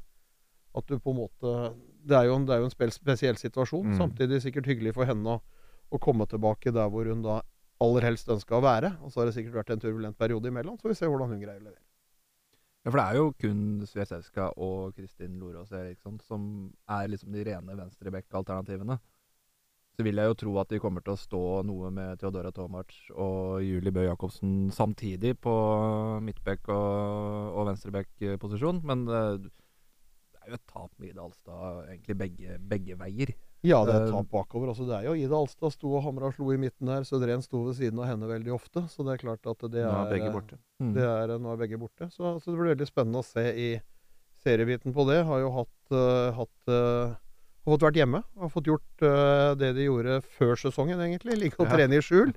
Og ikke, ikke folk ser så mye, så, så, så mye til dem. Så, så, det blir spennende å se på en måte hvilken forfatning øh, Byåsen er øh, når de kommer til, øh, til Boligpartner Arena for å møte Storhamar, da, som på en måte har fått en match mot Vipers, møtt de beste i en cupfinale hva du greier å absorbere av det, og hva du greier å ta med deg av positive ting inn mot en kamp som kan være med å definere veldig mye i, i toppen av, eh, i toppen av, eh, av tabellen. Mm. Det er eh, absolutt den eh, store kampen eh, på åpningsdagen i vårsesongen. Så skylder vi å gjøre oppmerksom på at Aker topphåndball tar imot Vipers Kristiansand i Ja, det blir Nadderud Arena, ser jeg. Det skal jo være et sånn treningsseminar der nede også, så det er muligens derfor det er lagt til Nadderud Arena. Det er litt sånn nomadisk tilværelse på Aker eh, topphåndball. Bygdehus den ene dagen og Nadderud og Ja, så ser de vel kanskje for seg at mot Vipers med så mye landslagsspillere, så er det mulig å øke billettinntektene litt ved å flytte seg ut fra, fra bygdehus. Det er vel litt hakket større publikumskapasitet i Nadderud Arena. Det er helt riktig. Ja, og spennende, spennende med et Aker-lag da, som, som har gjort en høst og ligger på femteplass når, eh, når andre halvdel skal, skal dras i gang. På en måte Sjokkerende eller ikke? Nei, altså nei. Jeg syns ikke det er sjokkerende. Hvis du, altså, hvis du ser på Oppsal på niendeplass har ni poeng, og, og Aker på femte har elleve, så, så er det klart at det, det er jevnt. Og Det er, det er et tap og en seier. Men samtidig imponerende av, av, av Aker, syns jeg. De har, vært, uh, de har hatt dype daler. De fikk så hatten passa og litt til på Hamar uh, etter en god seriestart, hvor de slo, slo Molde, Molde på hjemmebane. Så, men, men har greid å vippe noen kamper i, i sin favør. og og godt gjort av et, eh, av et lag bestående av veldig mange yngre, yngre spillere. Det er vel tett på en førstesekser som, som spiller cupfinale i Jenter 20 for Aker Mm. nå, når de møter Rælingen. Og da bruker vi vel samme uh, lignelsen eh, der også. De har en kamp allerede under uh, beltet uh, når de kommer inn i den matchen her, og det kan være en fordel. Ja, men samtidig så har jo også Vipers det, da. Ja. og det er Vipers. det, er, det er Vipers. Men det er godt å komme i gang. Uh, Aker topphåndball tar imot Vipers. Uh, nei, vi har ikke noe tro på noe annet enn en B der. Um, søndag 5. januar, da er det uh, Vestlandsderbyet. Uh, og de har uh, gått i sammen, disse to klubbene, for å lage promotion og blest om eh, denne matchen, som går i Haukelandshallen. Vi snakker selvfølgelig om Tertnes håndballelite mot Fana. Ja, hva tror vi? Det. Er klart det er et Tertnes-lag da, som eh, to dager før er ute og møter eh, Sola på bortebane. Så kommer de hjem. De er jo Altså, Det er ingen tvil om hvem som har vært det beste håndballaget på damesida i Bergen i så lenge folk kan huske. Mm. Men det er klart, eh, nå med 13 poeng på Tertnes, skulle de tape mot Sola Fana ligger der på 10 poeng og kan krype helt opp i ryggen på dem. Og så de har jo gjort en, gjort en god høstsesong, eh, Fana altså, med mange unge, mange unge spillere. Gjort, gjort gode resultater. Slo Storhamar på Hamar, slo Byåsen eh, på egen eh, hjemmebane, vel. Så, Mhm. så mm, det Ja. er Fem seire av elleve kamper, ja, det er jo bra. så, så, så, så all ære til, til måten Fana også har, har gjort, gjort det her på. Ikke minst viktig for dem. Det er, det er seks poeng ned til kvalikplassen, som kanskje mange mente Fana lå for tur til å plukke før, eh, før denne sesongen her. Så, så de har også ved siden av Aker gjort, eh, gjort en god høstsesong. Det er ingen tvil om. Uh, neste kamp er uh, i uh, Kongstenhallen, og i Kongstenhallen skal det spilles fryktelig mye håndball denne vårsesongen. Fredrikstad i eksil i store deler av uh, høstsesongen pga. både eh, vann og andre ting. Eh, tar imot eh, Byåsen eh, håndball eh, elite, som allerede har fått seg en eh, Gardermoen-tur. Hvis ikke tar buss, eh, gudene vet. Eh, uansett så har de i hvert fall hatt en, eh, en reisevei på den andre, og får en ny, lengre reisevei på den eh, femte. Uh, det er ikke noe easy match for et litt svekka Byåsen, det, å komme til Kongstonhallen og vår gode venn Eirik Haugdal. Nei, uh, og Byåsen har i hvert fall brukt å ta buss nedover til Hamar tidligere. Uh, den, hvis de har den reisa på torsdagen, og så eventuelt buss eller fly igjen på søndag, så blir det tunge, tunge kropper å dra i gang igjen for Atle Oliver når han entrer øh, med sine jenter. Så, Ja, for dette her kan ha litt betydning. Absolutt. Ja, altså, reise er en av de mer undervurderte delene av belastningsstyringa blant oss håndballtrenerne. Mm. Det, det er mye tyngre for både kropp og hue enn det enn det folk tenker over. Ja, og så tror jeg sånn Du Vi får være med å definere litt grann av, av våren også, tror jeg, for Byåsen. Det altså Skulle de tape på Hamar, skulle de tape i Fredrikstad, så står de fortsatt på 16 poeng etter, etter de to første kampene i vårsesongen der.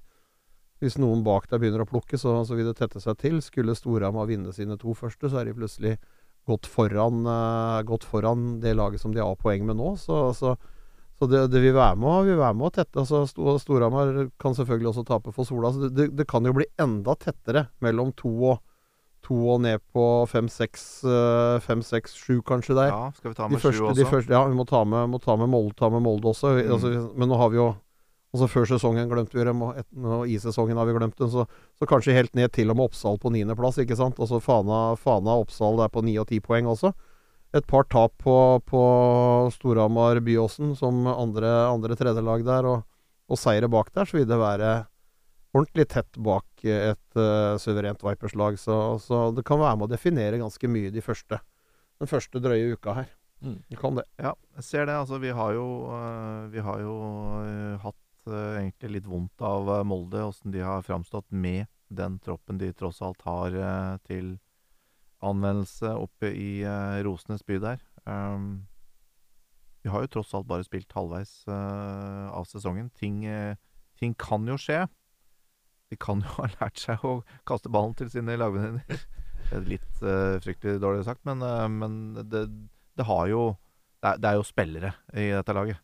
Ja, absolutt. Men eh, dere hadde jo en TV-sendt kamp med, mellom Molde og Storhamar helt på slutten av før pausa, og det, det var så hjelpeløst uh, å se på det de Molde-jentene drev med, at jeg fikk litt vondt av Anniken Oppe som føltes ut som den ene som prøvde litt. Ja, det handler om å altså, undervurderes den biten der. Altså det å, det å hente inn, hente inn uh, navn. Ikke noe gærent med de, men så skal du få det til å spille sammen. Så skal det settes sammen. Så skal det spilles med den og den og den og den. Så det tar tid. Altså, derfor så er jo en sånn, en sånn pause som de nå har hatt, da, kan også ha vært med på en måte på å løfte et, eh, et Molde-lag. Ja, Lippe altså, de, de har jo ikke hatt noen noe spillere, spillere rundt der, men, eh, men de kommer også inn og og og får vel en uh, åpning på andre halvdelen er vel Ja, revang, revansjeoppgjøret Ja. mot, uh, mot Aker, ikke sant? Tenk at det er ikke noe gærent med motivasjon, i hvert fall, i, Nei, for den, det- øh, den kampen. Det bør jo ikke være det, og et lag som på en måte har underprestert såpass mye som de gjorde i løpet av høsten også. Det i seg sjøl burde jo være motivasjon, og det er klart at når det nyopprykka laget som slo deg i serieåpningen, til alle store overraskelse, er, er motstanderen eh, på deres hjemmebane, så, så tror jeg de har et behov for å på en måte gjenopprette litt tillit til Molde-publikummet. Mm. Og de har jo en, en relativt enkel eh, start nå, med mm, Aker hjemme, Oppsal hjemme og så Follo borte. Og ganske mye luft mellom kampene. De har jo første kamp 5. januar, og så spiller de ikke igjen før 19., så de har jo, har jo en to ukers pause igjen der òg, etter eh, første kampen sin. Mm. Får de da de seks poengene du allerede har utdelt her, Bekk, Beck, så har de, er de plutselig oppe på 17, og med to raske Byåsen-tap i starten av sesongen, så. Ting skjer jo fort, da, øh, på tabellen når det er såpass jevnt. Det er Og spen- kort, eh, kort vei fra, fra eh, å kjempe om sluttspillplass og kjempe om medaljer. Det, er- det er ikke så mye som skiller. Ja, nei, eh, så vi skal ikke- på noen som helst måte avskrive Molde ifra medaljekampen uh, ennå. Det er eh, såpass eh, åpent eh, der oppe at eh, det meste kan skje. Kamp eh, Siste kamp. Det går i Oppsal Arena. Det er eh, på nytt Vipers Kristiansand som er ute på en eh, liten eh, Oslo-tur. De møter Oppsal i den siste kampen den 5. januar. Og det er vel heller ikke noe å- debattere. Selv om Oppsal og Endre Fintland er vel et av de lagene som har skapt litt sånn Ja, skal vi si røbb i Hva heter det? Is i røbben. Is i røbben, ja. Takk. Ja, de har jo Han kjenner jo de veldig godt. Ja, og jeg syns jo Oppsal har vært et av de lagene som har lyktes best taktisk mot Vipers. Og så har de booka under til slutt, på, litt på bredden av spillere, litt på kvaliteten på spillerne, kanskje til, til sjuende og sist òg, men Vipers vinner den kampen. Det er ingen tvil. Det gjør det nok. Ehm, da uh, konkluderer vi med um, åpningen av um, Rema 1000-ligaens uh, vårsesong, s- eh, sesongen 2019-2020. Mye spennende kamper. Det er tett som hagl i uh, bånn. Det er tett som hagl eh, på tabellen, eh, og det er kun Vipers eh, som stikker av gårde med clean slate. Ti kamper, ti seire så langt. eh, Ni og et halvt mål pluss i snitt. De går vel kanskje ubeseira gjennom denne sesongen her. Ja, Ja. det tror jeg. Det vil jeg, vil jeg formode. Det, det, det syns jeg. Da, da syns vi det òg, Marius. Eh, og så um, eh, blir det fryktelig spennende i hvert fall eh, fra nummer to og ned til eh, tolv. og det Vi tar det vi får. Litt spenning er bedre enn null spenning. det, det er det. Er det noe mer uh, godteri oppi boksen din igjen? Å ja da, det er masse, masse godis. Da eh, tror jeg vi runder av for dagen. Så kaster vi oss på godteboksen til mor Bekk Beck. Gjør det vi er best til. Og så gjør vi det vi er best til. Tror til og med det er noe kong Haakon som Bent har gjemt unna ja, ja, her. Halvkilo kong Håkon. Halvkilo kong Håkon. Så ønsker vi eh, selvfølgelig alle dere en riktig fortsatt eh, god jul, et godt nyttår når den tid kommer, og um, gudene vet. Vi dukker kanskje opp i eh, dette studioet en annen gang, og vi. Vi får se om vi får tid, da. Det er mye, mye som skjer nå fremover. Det blir uh, busy days, ikke noe tvil om det. blir vel noen natt nattsendinger, antakeligvis. Det, Nattsendinger, ja, hvorfor ikke? Og Bent, du har et mesterskap å dekke. Vi skal øh, reise på allerede på en dag det er fredag. Torsdag neste uke. 2. januar går øh, ferden til øh, Metz via Paris. Da skal Christian Berge og hans gutter ut i Golden League, møter Danmark og Serbia. Før hjemreise derfra på mandag, så er det vel oppmøte i Trondheim da onsdag i forkant av mesterskapet som starter torsdag. Norge spiller første kamp mot Bosnia på fredag. Har de fått uh, nye presseseter i uh, Trondheim Spekter? så veldig fornuftig ut uh, når vi var der på åpningen av nye Trondheim Spektrum. Det var en, uh, var en fantastisk håndballhall. Håndballhall med store bokstaver. En, en arena, vil jeg si. Som for øvrig rekorden til Rema 1000-ligaen for kvinner i publikumsoppmøte ble satt. og menn. Og menn. Og så- Tok fra Hamar den rekorden, gitt. Ja, det er det. Men uh, på den positive siden så tok vel Innlandet norgesrekorden i uh, publikumsoppmøte da Elverum tok imot PSG. Så absolutt. Ja, så det har vært et godt 2019-år for eh, publikumsinteressen for norsk uh, håndball. Så får vi bare håpe at den øker uh, i takt med interessen. Eh, vi takker dere, gutter, for at dere tok turen i dag. Fornøyelse som alltid. Så på få noe godt nytt år, og eh, på gjenhør.